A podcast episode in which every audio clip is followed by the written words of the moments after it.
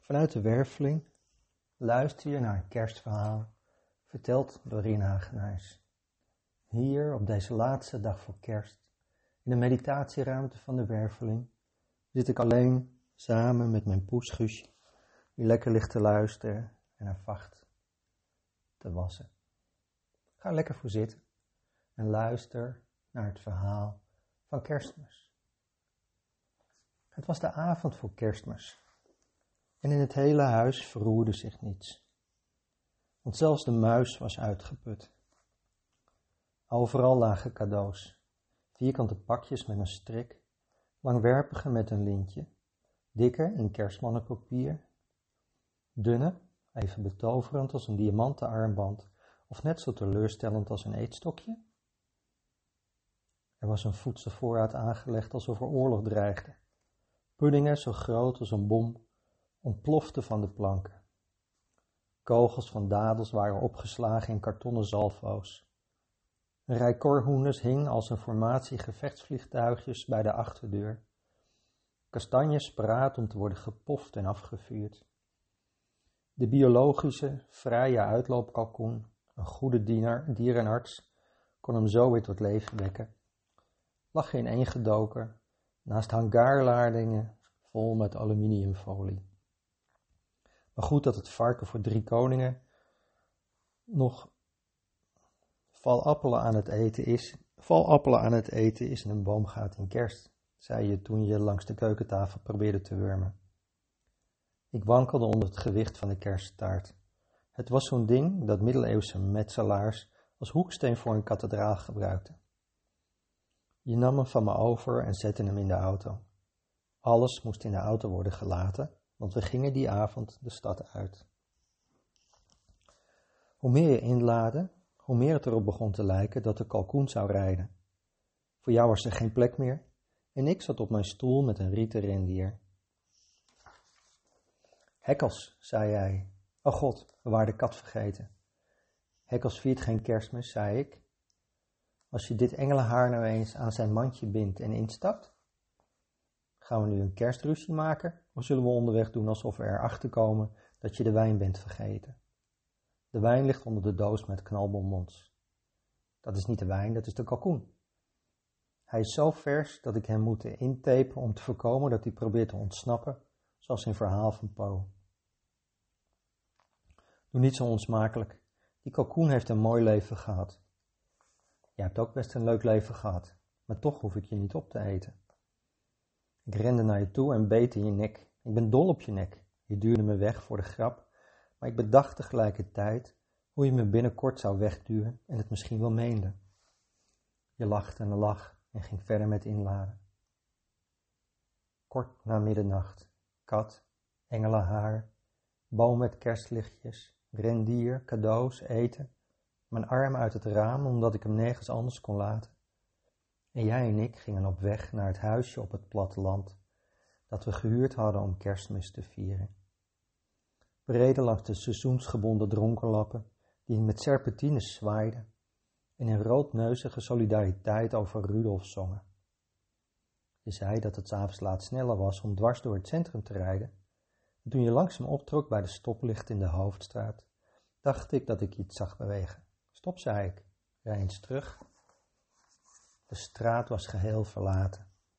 En je reed achteruit. Met een motor die gierde van de inspanning, tot we voor Bye Bye Baby stonden.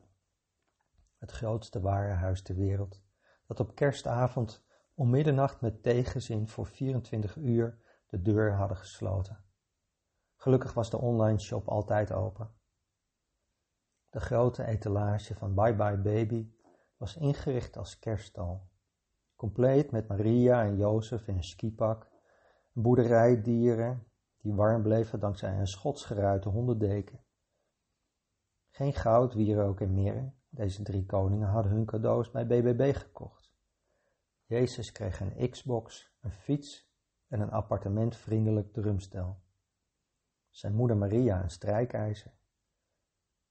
Voor dit kersttafereel stond een kindje met haar neus tegen het raam gedrukt. Wat doe jij daar nou, zei ik. Ik zit opgesloten, zei het kind. Ik ging terug naar de auto en tikte op je raam. Er zit een kind opgesloten in de winkel. We moeten haar redden. Je kwam even kijken. Het kind zwaaide. Je leek te aarzelen. Ze hoort vast bij de medewerker van de beveiliging, zei je. Ze zegt dat ze opgesloten zit. Wel de politie. Het kind lachte, schudde haar hoofd toen je je telefoon pakte.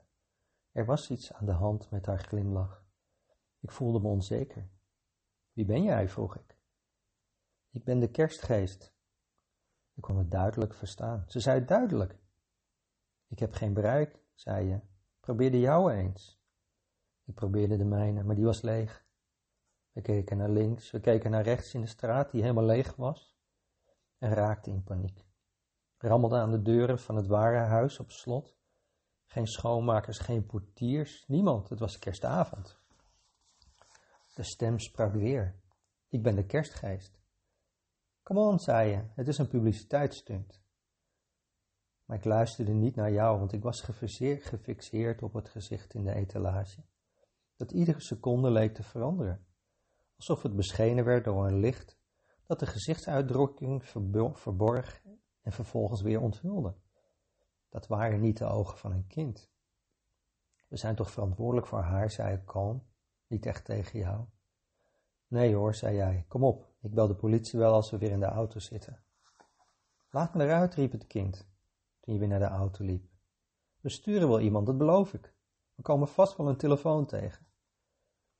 Het kind onderbrak. Jullie moeten me hier uithalen. Willen jullie een paar cadeaus en wat eten in die portiek leggen? Je kwam terug. Dit is belachelijk. Maar ik was gehypnotiseerd door het kind. Ja, zei ik. Hij ging half verdwaasd naar de auto, deed de klep open en begon verpakte vormen en tassen met eten naar de ingang van het warenhuis te slepen. Telkens als ik iets neerzette, pakte jij het weer op en zette het terug in de auto. Je bent gek geworden. Dit is een kerststunt. We worden gefilmd, ik weet het zeker. Nee, dit is geen reality tv. Dit is echt, zei ik. Mijn stem klonk ver weg. Dit is niet iets bekends, dit is iets onbekends. Maar het is echt, ik zweer het je, het is echt. Oké, zei je. Als dat moet om weer te kunnen vertrekken, krijg jij je tas. Oké, okay, hupsakee. Je kwakte ze neer in de portiek, vermoeid en geërgerd, zuchtend. Ik ken het gezicht. En je ging achteruit, balde je vuisten en dacht niet eens aan het kind. Op dat moment gingen alle lichten in de etalage van de winkel uit. En het kind stond ineens op straat tussen ons in. Je gezicht veranderde. Je legde je hand op het gladde glas dat even helder en gesloten was als een droom. Zijn we dit aan het dromen? vroeg je aan mij. Hoe heeft ze dat gedaan? Ik ga met jullie mee, zei het kind. Waar gaan jullie naartoe? En zo was het al over ene s'nachts toen we weer op weg gingen nu wel met mijn arm in de auto en met het kind op de achterbank naast Hekkels, die uit zijn mandje geklommen was en zat te spinnen. Toen we optrokken keek ik in de achteruitkijkspiegel en zag dat duistere figuren onze tassen met eten en cadeaus één voor één meenamen. Dat zijn de mensen die in de portieken wonen, zei het kind, alsof ze mijn gedachten las. Zij hebben helemaal niets. Ze gaan ons vast arresteren, zei jij. Diefstal uit een etalage, afvallozen en op de openbare weg, ontvoering. U ook een zalig kerstfeest hoor, meneer agent? We hebben het goede gedaan, zei ik. Maar wat hebben we dan precies gedaan, vroeg jij. Behalve de helft van onze spullen kwijtraken en een verdwaald kind oppikken. Dat gebeurt ieder jaar, zei het kind. Op verschillende manieren, op verschillende plaatsen. Als ik op kerstochtend niet ben bevrijd, wordt de wereld zwaarder. De wereld is al zwaarder dan jullie denken. We reden een tijdje in stilte verder. De hemel was zwart en volgeprikt met ster. Ik stelde me voor dat ik boven deze weg zweefde en naar de aarde keek, blauw in de duisternis, met witte vlekken en poolkappen. Dit was het leven en dit was thuis. Toen ik kind was, kreeg ik van mijn vader een glazen sneeuwbol van de aarde vol met ster. In bed bleef ik hem maar omdraaien. tot ik met sterren achter mijn ogen in slaap viel en me warm en licht en veilig voelde. De wereld is gewichtloos, hangt in de ruimte, door niets ondersteund. Een geheim van zwaartekracht, verwarmd door de zon, gekoeld door het gas, ons geschenk. Ik vocht altijd zo lang mogelijk tegen de slaap en tuurde door een dichtvallend oog naar mijn stille draaiende wereld.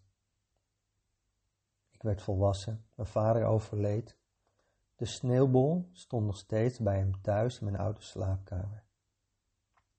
Toen we het huis leegruimden, liet ik hem vallen.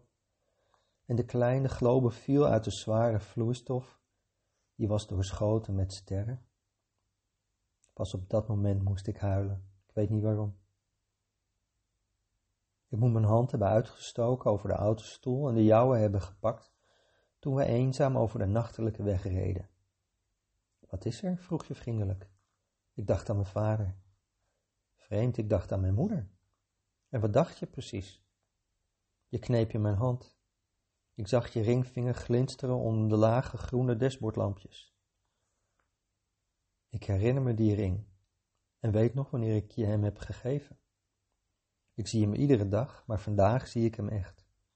Je zei, ik wou dat ik meer voor haar had gedaan, meer tegen haar had gezegd, maar nu is het te laat. Jullie hebben het nooit met elkaar kunnen vinden, hè? Hoezo? Waarom kunnen zoveel ouders en kinderen het eigenlijk niet met elkaar vinden? Is dat waarom je geen kinderen wil? Nee, nee, werk. We hebben gezegd dat we erover zouden nadenken, maar ja, misschien. Waarom zou ik willen dat mijn kind me haat? Is er al niet genoeg haat in de wereld? Je zijn nooit zulke dingen. Toen ik in het spookachtige groene licht een vluchtige blik op je profiel wierp, zag ik dat je kaak gespannen was. Ik hou van je gezicht, dat wilde ik je zeggen, maar je zei, let maar niet op mij.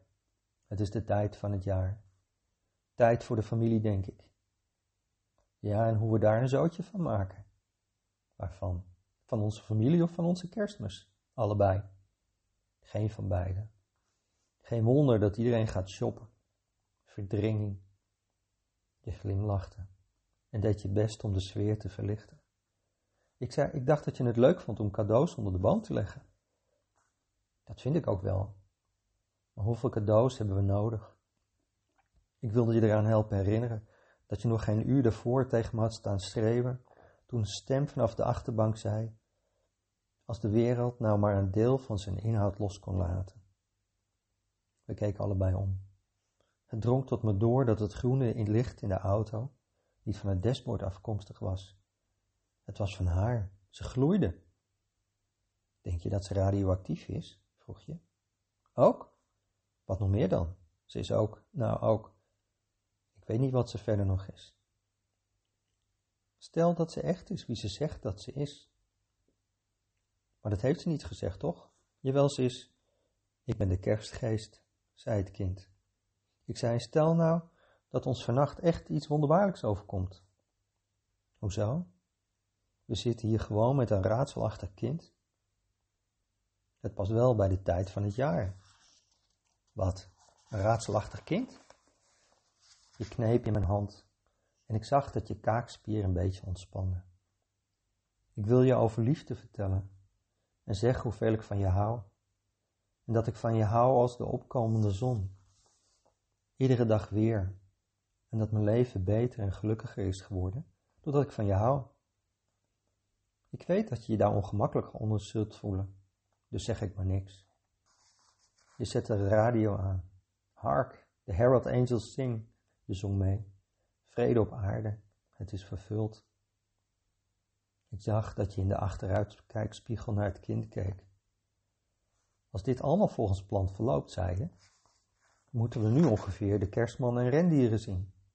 Wat vind jij, kerstgeest? De stem vanaf de achterbank zei, hier naar rechts alstublieft. Je gaat rechtsaf. Je aarzelt, maar je doet het, omdat het zo'n soort kind is.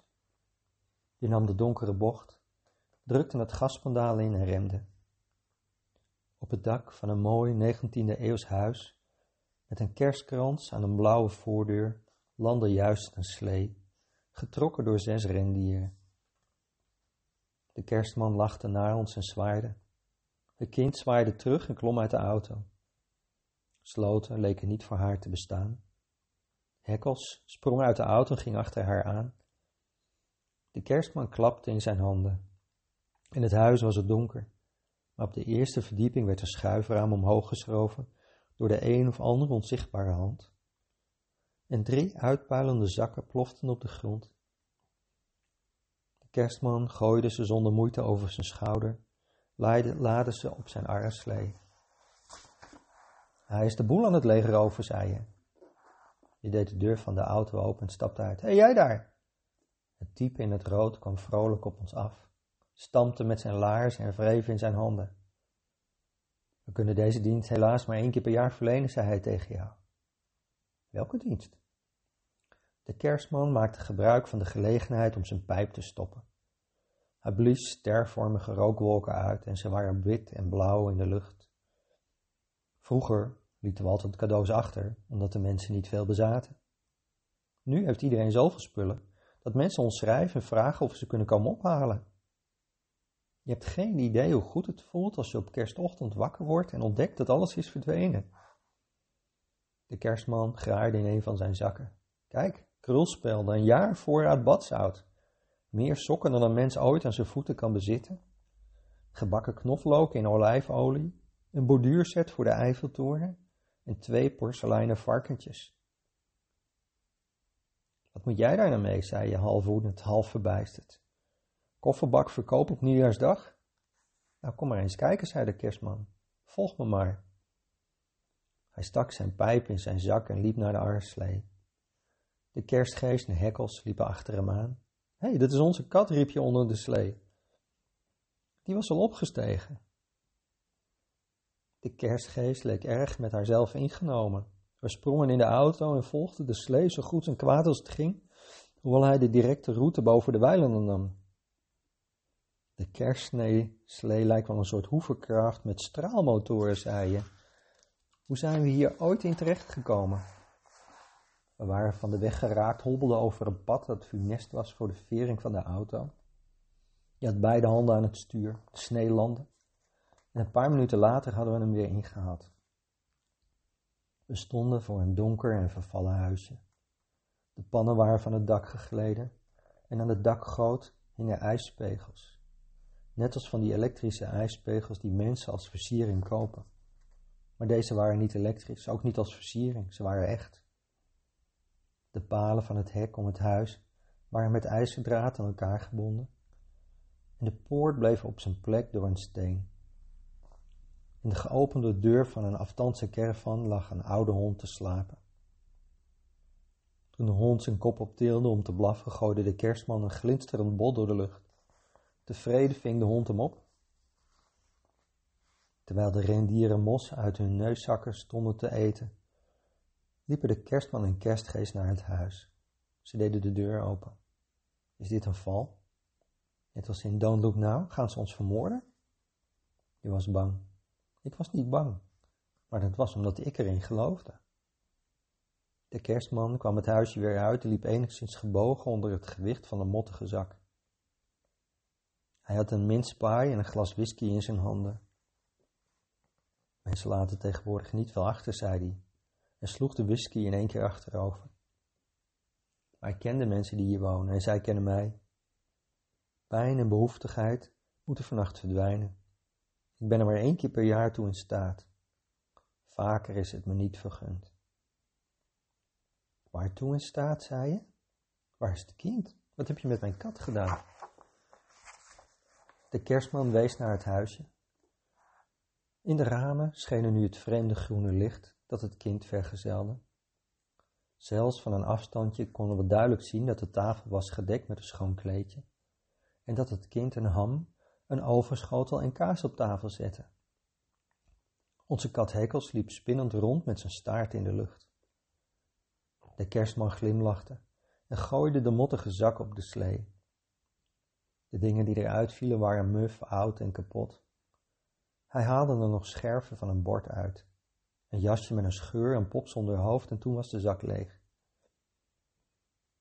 Hij bood jou zwijgend de lege zak aan en wees naar de auto. Hij wil dat je de zak vult, dacht ik. Doe het, doe het nou, alsjeblieft. Maar ik durfde het niet hardop te zeggen. Dit was voor jou. Dit ging om jou. Je aarzelde. En toen opende je alle portieren en begon cadeaus en eten in de zak te stoppen. Het was maar een kleine zak. Toch kreeg je hem niet vol, hoeveel je er ook in stopte. Ik zag je naar de overgebleven spullen kijken. Geef hem maar alles, zei ik. Je boog voorover en begon spullen van de achterbank te pakken. De auto was nu bijna leeg. Op het rieten rende hierna en die leek te belachelijk om weg te geven. Je gaf de zware zak aan het rode type dat je strak aankeek. Uh, je hebt me niet alles gegeven, zei hij. Bedoel je het rieten rendier? De kerstgeest was naar buiten gekomen met Hekkels in haar armen. Hekkels had nu ook een groene gloed. Ik had nog nooit een groene kat gezien. Het kind zei tegen jou: Geef hem datgene wat je vreest. Het was even stil, uitzonderlijk stil. Ik wendde mijn blik af, net als toen ik je ten huwelijk had gevraagd en niet wist wat je zou antwoorden. Ja, zei je, ja. Er klonk een verschrikkelijke harde klap en de zak viel met een dreun op de grond. De kerstman knikte en slaagde er met enige moeite in de zak op te tillen en in de slee te gooien. Het is tijd om te gaan, zei de kerstgeest. We stapten in de auto, reden terug over het pad. Door de vorst was de grond glanzend geworden en waren de sterren feller gaan stralen. Achter de muurtjes van rotstenen stonden de kudde schapen in de weilanden. Een stel jachtpaarden rende mee langs het hek en hun adem stroomde als de adem van een draak. Na een tijdje stopte je en stapte uit. Ik liep achter je aan, sloeg mijn armen om je heen. Ik kon je hart horen bonzen. Wat moeten we nu? We hebben alles weggegeven, zei je. Hebben we helemaal niks meer? Eén tas met eten achter de stoel en deze. Je voelde in je zak en pakte een chocolade kerstman, verpakt in folie. We moesten erom lachen, het was zo belachelijk. Je brak er wat stukjes af en wilde het aan het kind op de achterbank geven, maar ze lag te slapen. Ik snap er helemaal niks van, zei je. Jij? Nee. Is er nog chocola? We aten samen de laatste stukjes op en ik zei tegen jou: Weet je nog dat we helemaal geen geld hadden toen we elkaar net hadden leren kennen? We waren nog bezig onze studieschuld af te betalen. Ik had twee baantjes en op eerste kerstdag aten we worstjes en de vulling voor een kalkoen, zonder kalkoen, omdat we die niet konden betalen. Je had een trui gebreid, de ene mouw langer dan de andere.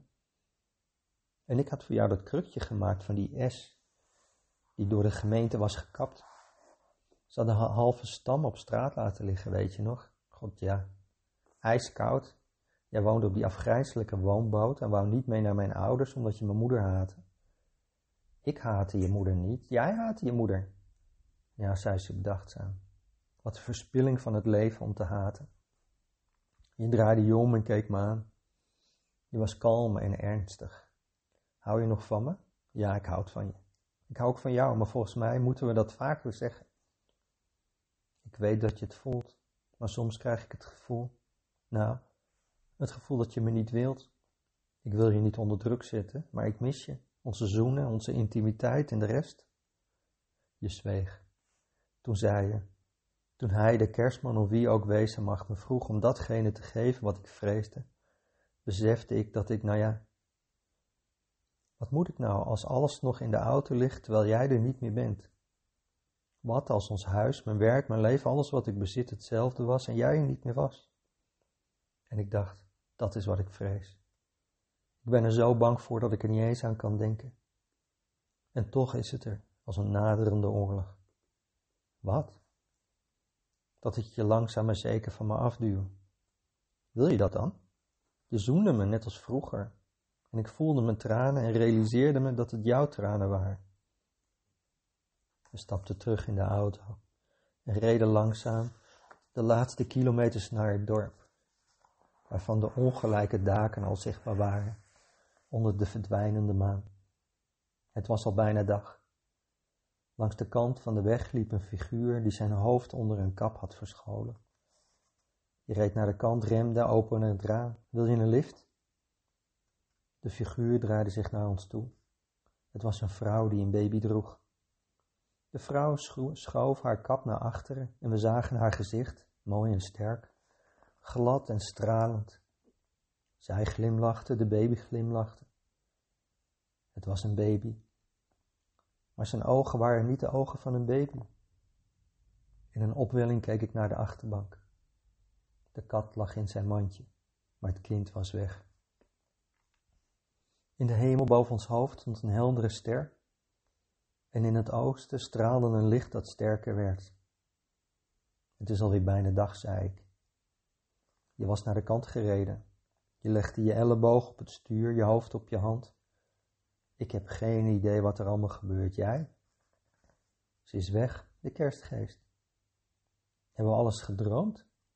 Liggen we thuis te slapen en te wachten tot we wakker worden? Kom op, zei ik.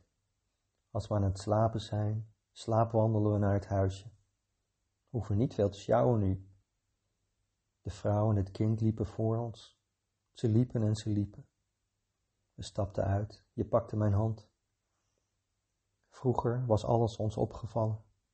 Het water dat zich had verzameld op de klimop met bessen, de marentak, in de eikenboom met de donkere takken, de uil die in de schuur onder de dakpannen zat, de rook die opkringelde uit het bos als een boodschap van het vuur, de ouderdom van de tijd en dat wij daarvan deel uitmaakten. Waarom haasten we ons door het leven van alle dag, wanneer we alleen het leven van alle dag hebben? De vrouw liep nog altijd verder en ze droeg de toekomst met zich mee, hield het mirakel in haar armen. Het mirakel dat opnieuw de wereld baart en ons een tweede kans geeft. Waarom raken we de echte dingen, de belangrijke dingen zo makkelijk kwijt en bedelven we ze onder de dingen die er nauwelijks toe doen? Ik zal het vuur wel aanmaken, zei ik. Wacht maar even, zei je. Ik wil eerst met jou naar bed slaap wandelen. Je was verlegen, je bent zo stoer. Maar ik kan me de verlegenheid nog wel herinneren. Ja en ja. Slapend of wakend. Ja en ja. Beide. Over de nevel doorploegde weilanden luidde de buiten. Over de nevel doorploegde weilanden luidden de kerstklokken de eerste kerstdag in.